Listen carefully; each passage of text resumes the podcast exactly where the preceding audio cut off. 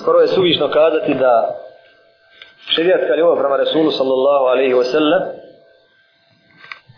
je pohvalna, potrebna, ali mora se biti u njoj ograničen.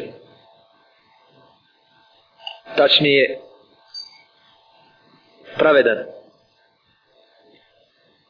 Da se ne bi Resul alaihi salatu wa kao što su to neki uradili, vidjet ćemo kasnije, uzdigli ga iznad njegova mjesta lišavajući ga svojstava čovjeka, dajući mu svojstva božanstva onoga koji udovoljava ljudima potrebe, koji ljudima rješava probleme, tako da mu čine i badec, dozivaju ga i njemu se obraćaju.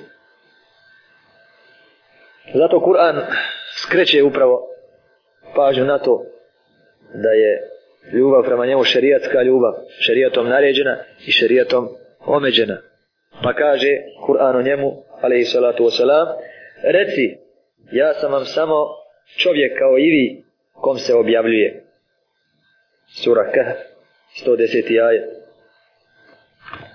I sura Fusilet, 6. ajet. Zatim kaže, reci, ja ne posjedujem ni sebi, ni sebi kamo nekom drugom koristi, niti štete. Osim što me stalazi što Allah Đelešanu hoće. A da znam gajb, mnogo bi dobro postigao i ne bi me nikada zlo stiglo, a ja samo opominjem i donosim radosne vijesti narodu koji vjeruje. Pa znači, nakon definicije, bilo je važno spomenuti i to, da ljubav prema Rasulu sallallahu alaihi wa sallam ne znači nikako pretjerivanje u toj ljubavi i odstupanje sa pravoga puta.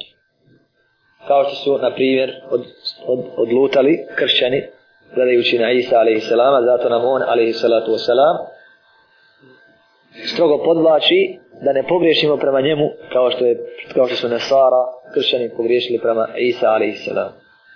Zahvaljujući jel, Allahu Đalešanu i njegovim riječima, ovim ajetima koji nam naređuju umet je se čuva o istinu i ehli sunnet gleda na poslanika alaihi salatu wasalam onako kako Allah šanu hoće i kako je propisao i onako kako su gledali ashabi da je čovjek od ljudskog roda i da je poslanik od Allaha odlikovan objavom i poslanstvom.